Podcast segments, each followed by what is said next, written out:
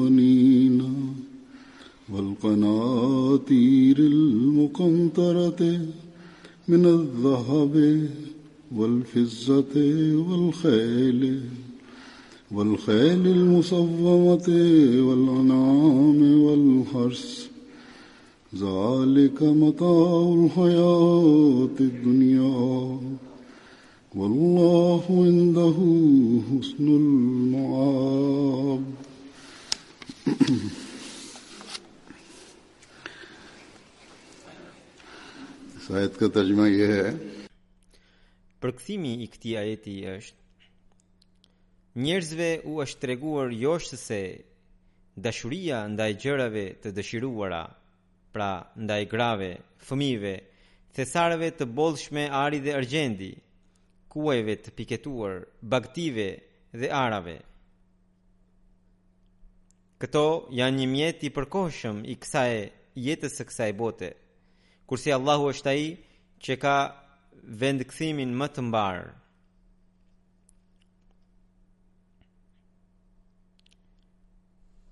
Allahu i madhrishëm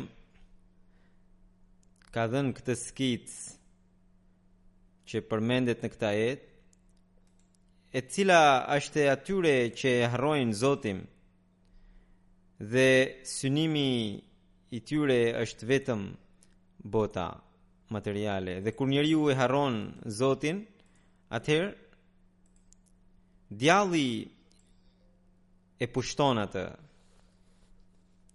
Pavarësisht se të gjitha këto gjëra janë krijesa të Zotit dhe për janë prej bekimeve të Tij dhe njeriu duhet të duhet të përfitojë prej tyre. Edhe Hazrat Mesihu i Premtuar alayhi salatu wasalam na ka treguar shumë qartë që Nuk është e drejtë që ne të bëjmë një jetë asketike duke u shkëputur nga bota. Pra, ne duhet edhe të martohemi, duhet të bëjmë edhe tregti, edhe punë të tjera të kësaj bote, të cilat bënin edhe sahabët. Disa prej tyre kanë pasur pasuri me miliarda, por ata nuk ishin dhënë pas botës materiale. Hazret Mesihu i Premtuar alayhi salatu wassalam thotë: Mbajni mend. Zoti i Madhrishëm kurrsesi nuk dëshiron që ju të shkëputeni tërësisht nga bota, por ajo që dëshiron ai është që qad aflaha man zakkaha, që ai që pastroi veten e tij e ka arritur suksesin. Ai thotë që bëni tregti, bëni bujqësi, bëni punë, çfarëdo pune të lejuar, por nefsin ndalojeni nga mohimi i Zotit të Madhërishëm dhe pastrojeni në atë mënyrë saqë këto gjëra të mos ju largojnë nga Zoti i Madhërishëm. Në një vend tjetër ai tha që të drejtat e nefsit janë të lejuara, por shkeljet e tij nuk janë të lejuara. Prandaj Gjithmonë një besimtar duhet ta ketë parasysh këtë gjë, që dashuria ndaj gjërave të kësaj bote të mos jetë e tillë që ta bëjë atë të harrojë Zotin. Ashtu siç Zoti i Madhrishëm në këtë ajet tha që zujina lin nasi hubbu shahawati që njerëzve u është treguar joshëse dashuria ndaj gjërave të dëshiruara. Dhe fjala është shahwat, edhe Pastaj Zoti ka dhënë edhe shpjegimin e kësaj fjale se cilat janë gjërat që përfshihen këtu. Dhe njerëzit për për të cilët flitet, ata këto gjëra nuk i kërkojnë për mbijetesë, por që janë të zhytur në dashurinë e tyre dhe që shqetësohen tërësisht vetëm për t'i arritur këto gjëra. Shahwa do të thotë të kesh dashuri të dashuri dashuri deri në marrëzi për diçka dhe gjithnjë të shqetësohesh për ta arritur atë ka edhe një kuptim tjetër që diçka ose një synim që është i përbërë vetëm nga dëshirat vetjake e ulta ose edhe dëshira e trupit kur është shumë e e lartë quhet shahva kështu që kur e, këto gjëra janë futur si një dashuri e marrë në zemrën e njeriut nuk është prej Zotit. Sepse nuk është deri tek lejimi që të përfitojë nga këto gjëra, por është përtej kësaj dhe prandaj kjo është kjo është prej djallit. Kjo dëshirë e tejkaluar, e tepruar nuk është prej Zotit. Pra, kur kjo dëshirë është përtej masës, aq sa që gjithnjë ai rrin i shqetësuar dhe i marrosur pas këtyre gjërave, atëherë ajo është prej djallit.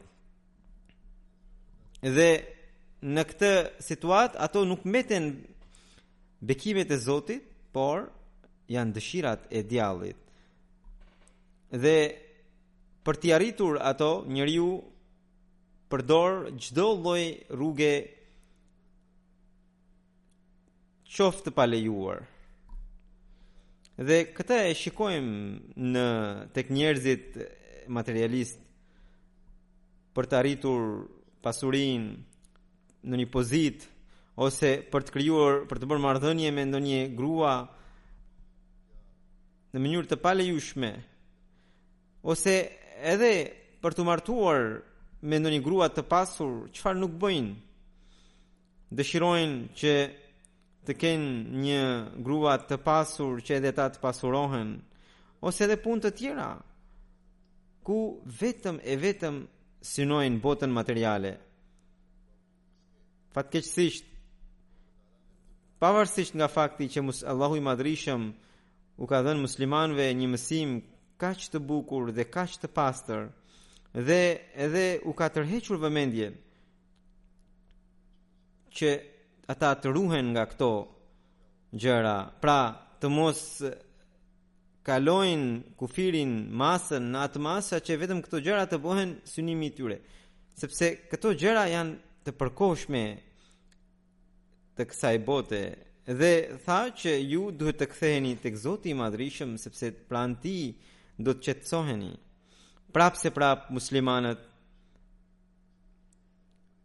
ne shohim që shumica prej tyre janë dhënë po jepen vetëm pas këtyre gjërave duke e harruar synimin qëllimin e jetës dhe liderët e popujve edhe çdokush që gjen mundësi përpiqet që disi t'i arrijë këto gjëra kur dëshirat e tilla i kanë edhe vetë liderët e kombeve atëherë shkaktohet humbje për gjithë kombin situata e sotme në vendet muslimane situata e trazuar është për shkak se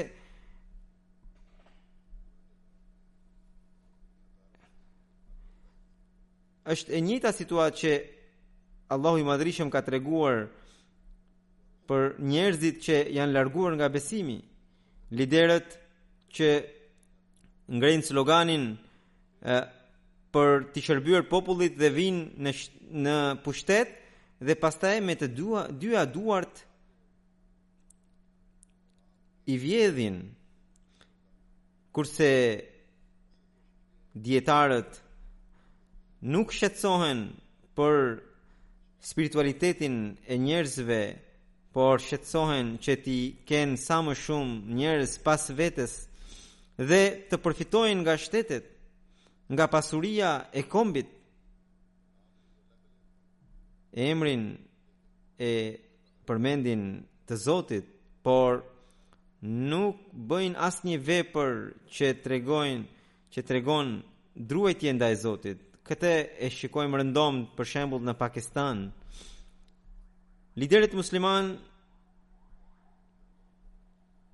po i vrasin muslimanët e tjerë sikur karotat dhe perimet e tjera.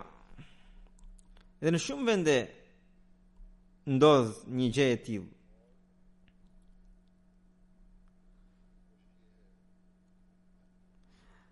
Pra, përpjekja e dëshira e tyre është që të rrinë në pushtet dhe të tregojnë edhe forcën e tyre, edhe gjithashtu të vjedhin edhe pasurinë.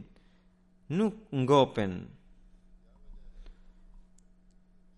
Cila është arsyeja që vendet muslimane pavarësisht se ata kanë është një pje, shumë nga vendet kanë burime natyrore prapëseprapë janë në mjerim i varfri në ato vende bëhet gjithnjë më i varfër Dhe po lufton për bukën e gojës. Arabia Saudite thonë se është një vend shumë i pasur, por edhe atje varfëria po shtohet.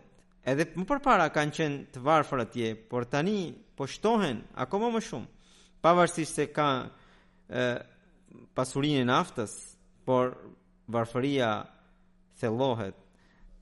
Vetëm ë, princat Liderët kanë jetë të pasur, të cilët për një ditë miliona dollar harxojnë miliona dollar.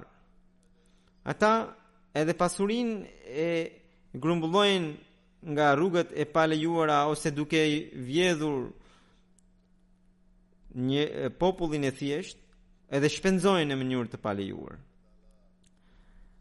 Allahu i madhërishëm u dhëntë mend këtyre princëve, këtyre liderëve ë, interesxhinj, që ata në vend që t'i që të gllabërojnë pasuritë, t'i përdorin ato për dobinë e njerëzve, sepse në këtë mënyrë në një anë ata do të tërheqin pëlqimin e Zotit të Madhërishëm, nga ana tjetër ata do të bëhen një fuqi e madhe për të gjithë botën. Forcat jo muslimane nuk do t'i bëjnë zap, madje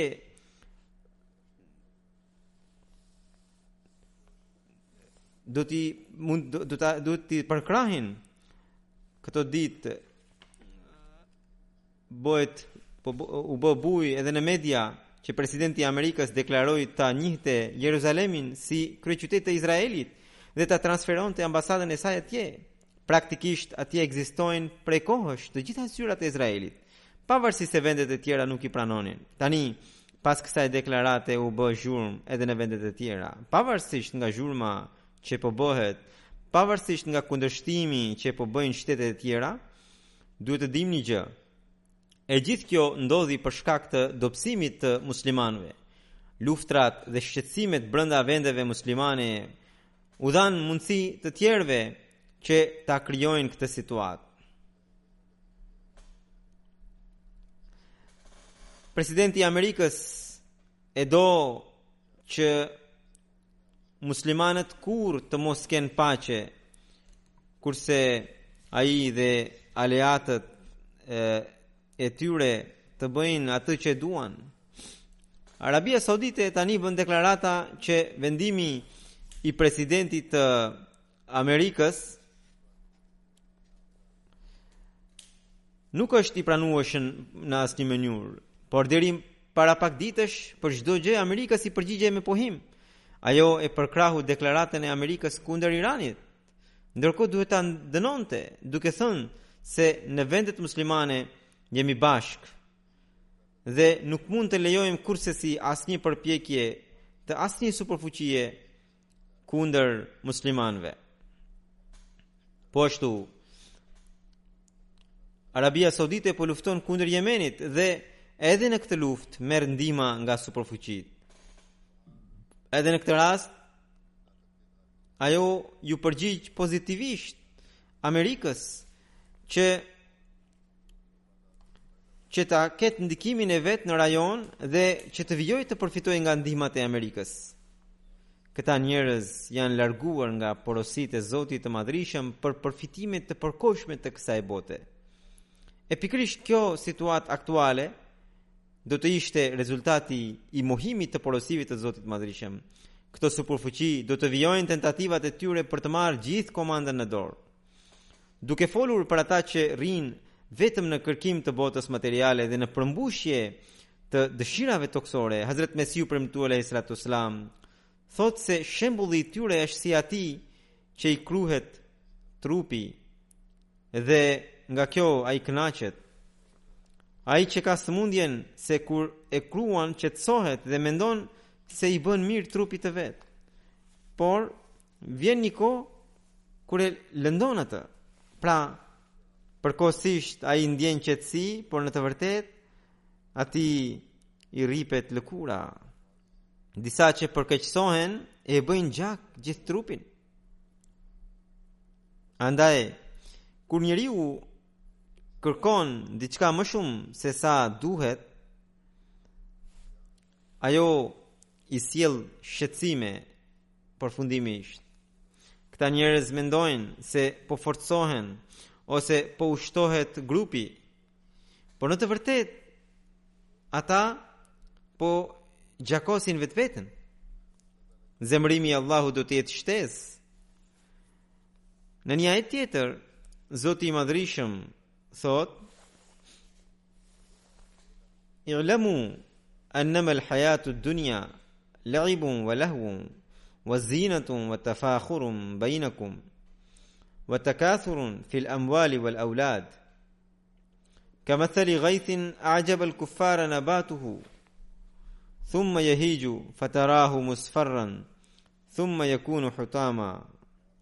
Wa fil akhirati azabun shadidun wa maghfiratun min Allahi wa ridwan. Wa mal hayatu ad-dunya illa mata'ul ghurur. Pra, do të thotë dijeni se jeta e kësaj bote është vetëm lojë, dëfrim, zbukurim, mburrje me njëri-tjetrin dhe garë për të pasur më shumë pasuri e fëmijë. Ajo është si shiu që gjelbron arën për t'i kënaqur mohuesit dhe ara lulëzon dhe pas asaj e sheh të zverdhur dhe pas asaj ajo bëhet kashtë. Në ahiret ka edhe ndëshkim të rëndë, edhe falje prej Allahut dhe pëlqim. Jeta e kësaj bote Nuk është gjë tjetër veçse një përfitim, një përfitim mashtrues. Andaj, besimtari duhet të kërkojë faljen dhe pëlqimin e Allahut të Madhrishëm dhe jo të rrijë duke u mburrur për gjërat tokësore dhe duke harxhuar të gjitha përpjekjet për t'i arritur ato. Përndryshe, ai do të bëhet si i sëmuri që kruan trupin dhe do ta shkatërrojë edhe botën dhe ahiretin e vet. Duke treguar një pamje të kësaj bote dhe të gjërave të kësaj bote në një mbledhje, Hazret Mesihu i premtuar alejhi salatu ue selam thotë që njeriu sa më shumë ruhet nga shqetësime, shqetësimi për të përmbushur dëshirat e kësaj bote, aq më shumë i përmbushen dëshirat. Ai që ka shqetësime për dëshirat e kësaj bote ka një zjarr brenda dhe është gjithnjë në vështirësi. Rehatia në këtë botë është që të shpëtosh nga shqetësimi, Pra, të mos kesh shumë dëshira. Thotë Mesihu alejhi selam, ishte një njeri që po ecte në kalë, rrugës gjeti një të varfër i cili mezi e mbulonte trupin e tij se aq rroba kishte. E pyeti: i nderuar, si je Edhe i varfëri tha që atij që i janë përmbushur të gjitha dëshirat, në çfarë gjendje mund të jetë? Kalorësi u habit dhe pyeti, si t'u plotësuan të gjitha dëshirat? Dhe ai tha, gjersa i kam braktisur të gjitha dëshirat, më janë arritur të gjitha dëshirat. Pra, shkurt, Njeriu kur përpiqet t'i arrijë të gjitha këto vihet në vështirësi dhe kur a, adopton vetëmjaftueshmërinë, atëherë gjen shpëtim. Shpëtimi është që të kesh lumturi dhe të mos kesh brengë. Brenga nuk është mirë as në këtë botë dhe as në botën tjetër. Kjo jetë Do të përfundojë patjetër, sepse është si copa akulli, të cilat vendosi ku du, ku të duash, qoftë në sënduk, qoftë në një qese të mbuluar, ato do të zvogëlohen duke u shkrirë. Në të njëjtën mënyrë, çfarëdo lloj përpjekje të bësh, ta ruash jetën, ajo patjetër zvogëlohet, çdo ditë ajo pakësohet. Në botë ka edhe mjekë, ka edhe mjekë popullorë, por askush nuk dha dot recetën e jetëgjatësisë, që njeriu të jetë i përjetshëm njerëzit kur plaken disa njerëz vijnë dhe thjesht për t'u bërë qejf thonë se akoma nuk je plakur, je akoma gjash, te gjashtëdhjetat. Dhe mirëpo këto të gjitha fjalët janë kalimtare.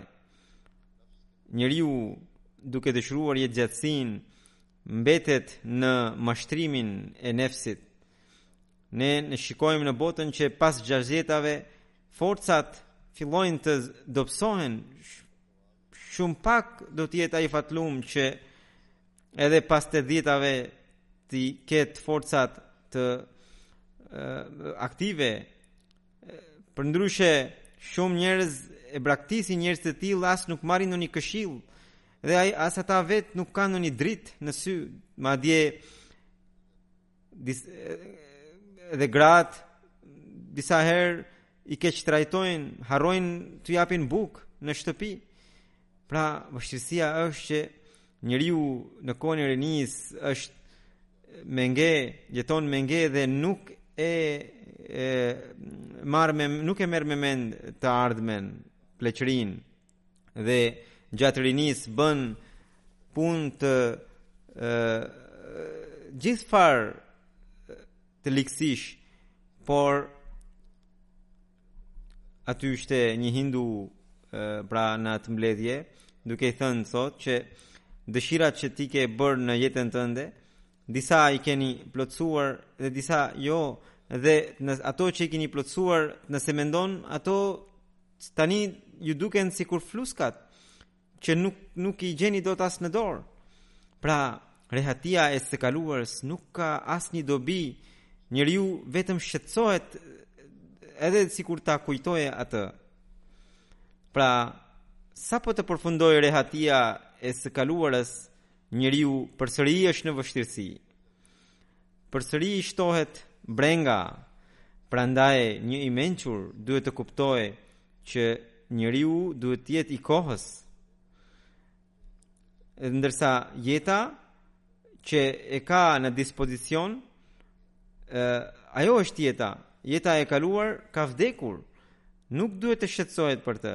Kur fëmija është në prehrin e nënës, sa i gëzuar është. Gjithë njerëzit e kapin e ngazëllohen.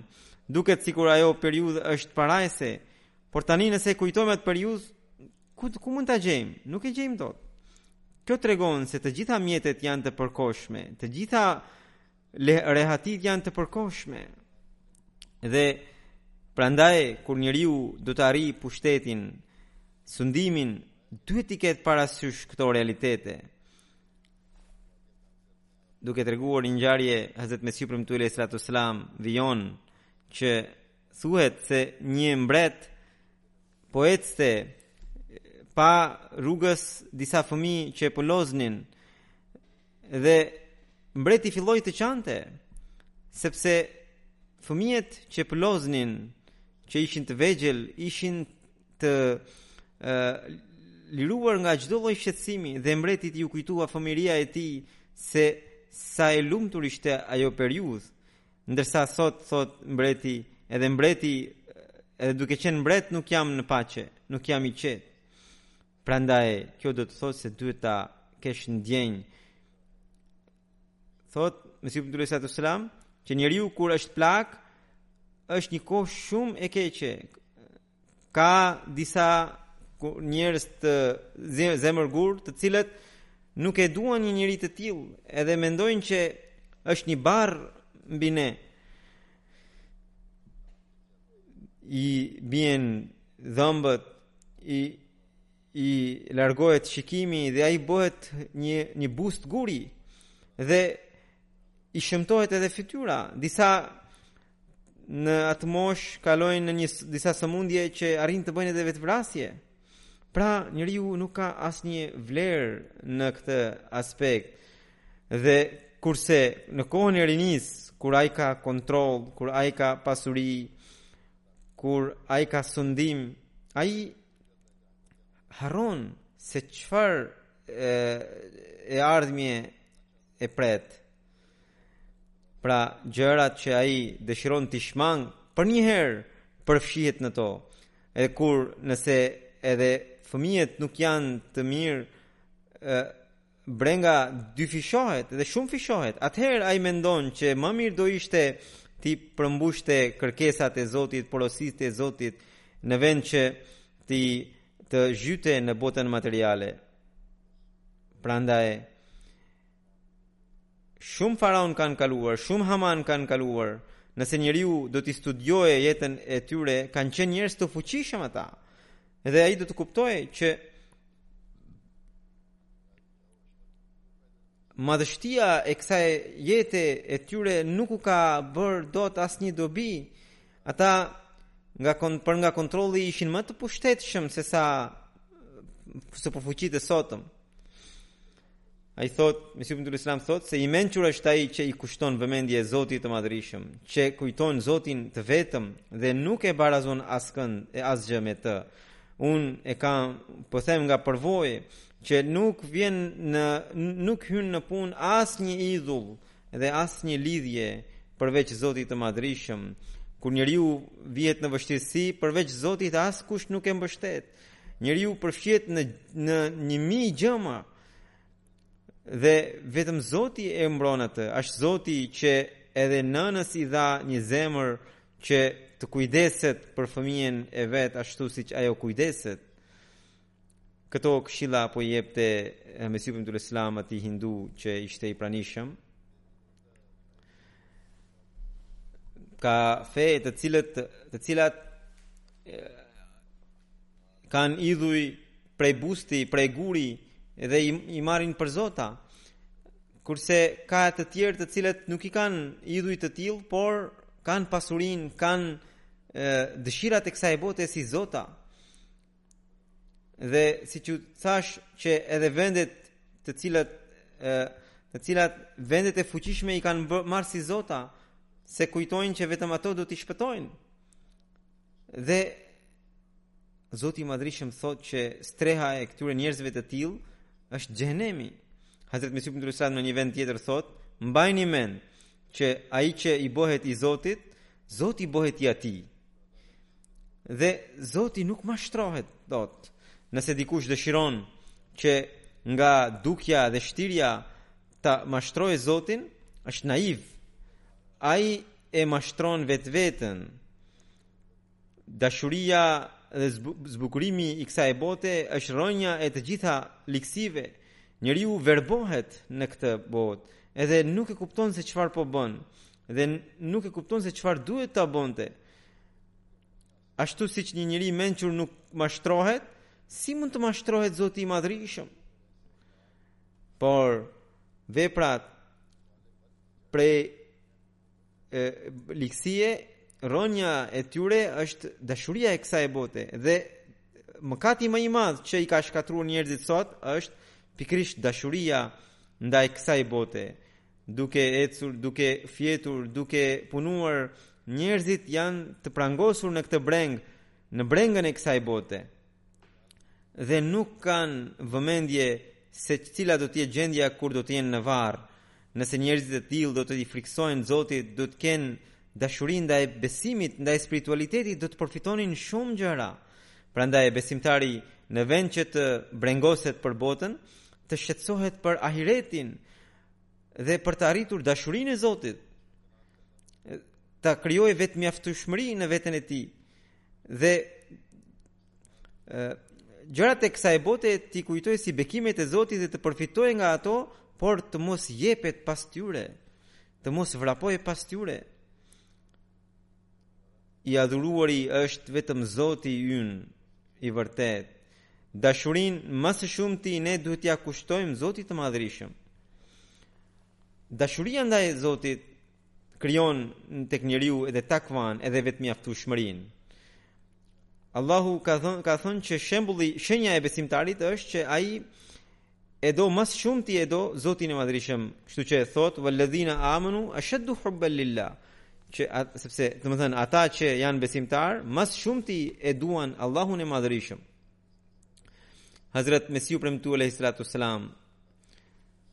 në lidhje me dashurinë ndaj Zotit thotë që duhet të dimë që sedra e Zotit të Madhërishëm nuk pranon që besimtari të barazojë në dashuri dikë tjetër me Zotin.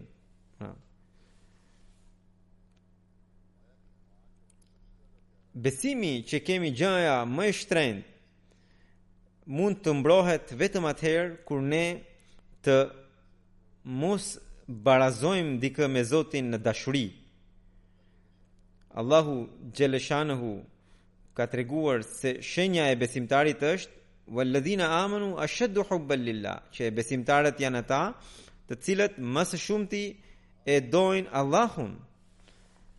Dashuria është e drejta e veçantë e Zotit dhe një njeri që këtë të drejtë ia jep dikujt tjetër në atë masë, ai shkatërrohet.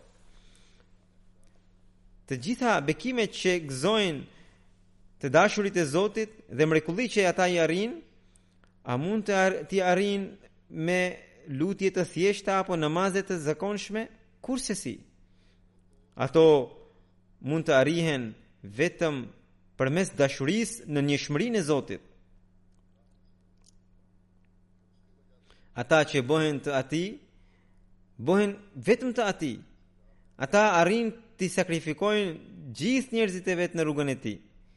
Unë e kuptoj shumë mirë dhimbjen e asaj situate që njeriu kur detyrohet të braktiset nga një njeri tjetër të cilin e kujton si përkrahës të fuqishëm, por unë gjithashtu besoj që zemra ime gjithmonë ka dhënë këtë vendim që një njeriu me dikë tjetër nuk duhet të ketë dashuri kaq të madhe sa me Zotin e Madhrishëm, qoftë me djalin, qoftë me ndonjë shok, qoftë me dikë tjetër.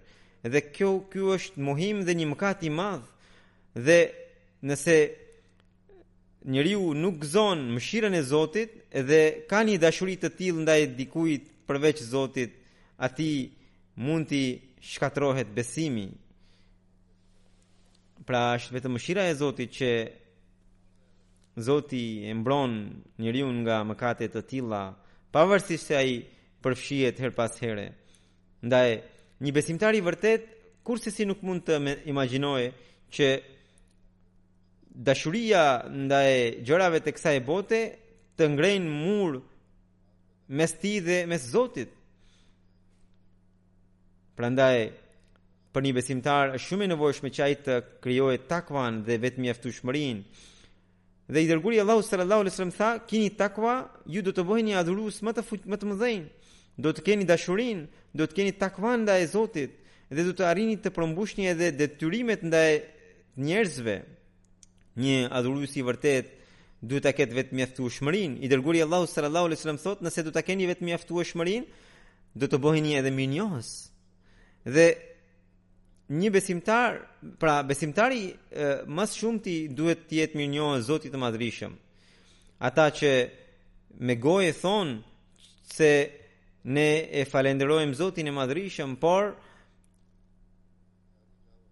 je, jepen pas madhështive të kësaj bote dhe pas gjërave të kësaj bote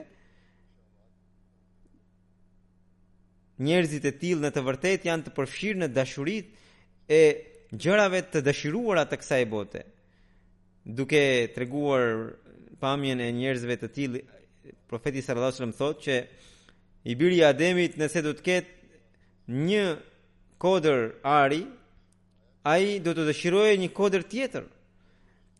Gojën e tij përveç dheut nuk mund ta mbushë asgjë me me asgjë tjetër.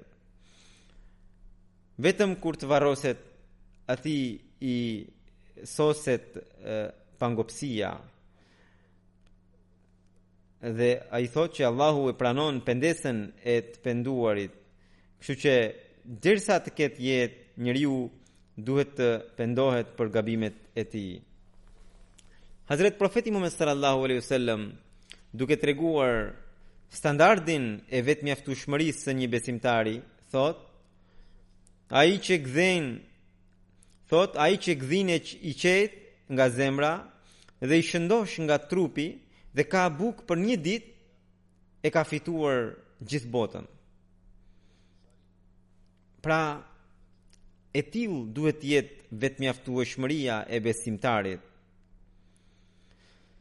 Allahu i madhërishëm na mundësoftë këtë vetëmjaftueshmëri dhe na mundësoftë takvanë na bëftë që synimi ynë të jetë dashuria, falja dhe pëlqimi i Allahut dhe jo dashuria për botën materiale.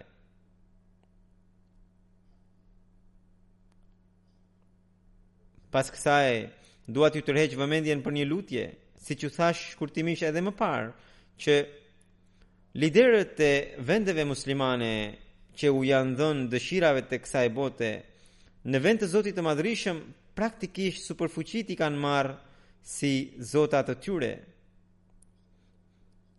mendojnë se miqësia me ta do t'u bëhet garant i mbijetesës dhe i zhvillimit të tyre. Kurse e vërteta është ndryshe. Për shembull, ditët e fundit një analist në një gazetë gjermane shkruante që bota që deri më parë mendonte se Washingtoni është modeli i saj, të cilën të cilin ajo duhet ta ndjekë, nuk e ka më atë pozitë, sepse po zëvendësohet me Pekinin, kryeqytetin kinez. Pra, thotë ky analist, Amerika e ka humbur fuqinë dhe pozitën e saj. Pra, Mbështetjet tokësore janë të përkohshme. Sot janë e nesër s'janë. Muslimanët tani duhet ta kuptojnë këtë realitet. Edhe deklarata e Amerikës për ta transferuar ambasadën e saj në Jeruzalem erdhi që në këtë mënyrë ajo të përmirësojë e të forcojë marrëdhëniet e saj me Izraelin dhe të ngrihet edhe një herë. Por Zoti i Madhrishëm kur i shkakton rënie dikujt, atë nuk e ndihmojnë dot miqësitë dhe traktatet tokësore. Duket se këto superfuqi, sidomos Amerika, kanë hyrë në këtë fazë. Se kur do të vijë rezultati, e di Allahu i Madhrishëm. Por në këtë situatë, përpjekjet e tyre për të shkaktuar luftëra mes muslimanëve do të intensifikohen edhe më shumë. Prandaj ne duhet të lutemi për botën muslimane që Allahu i Madhrishëm u dhëntë mend që ata të bashkohen. Gjithashtu duhet të lutemi që të largohet rreziku i luftës ndërmjet shteteve të tjera. Allahu i Madhrishëm u dhëntë mend muslimanëve që t'u japin fund luftrave të tyre, të cilat tanimë kanë shkaktuar jo mijëra, por miliona vdekje. Zoti i bëftë një popull të bashkuar. Zoti i mundësoftë t'u japin fund luftërave mes njëri-tjetrit në mënyrë që armiqtë e Islamit të mos përfitojnë nga situata. Dhe më së shumti duhet të lutemi që Allahu i Madhrishëm i bëftë muslimanët ta njohin atë që ai u ka dërguar si Mesih i premtuar dhe Imam Mehdi, sepse duke u lidhur me të, ata mund të vendosin paqe edhe mes njëri-tjetrit edhe në botë.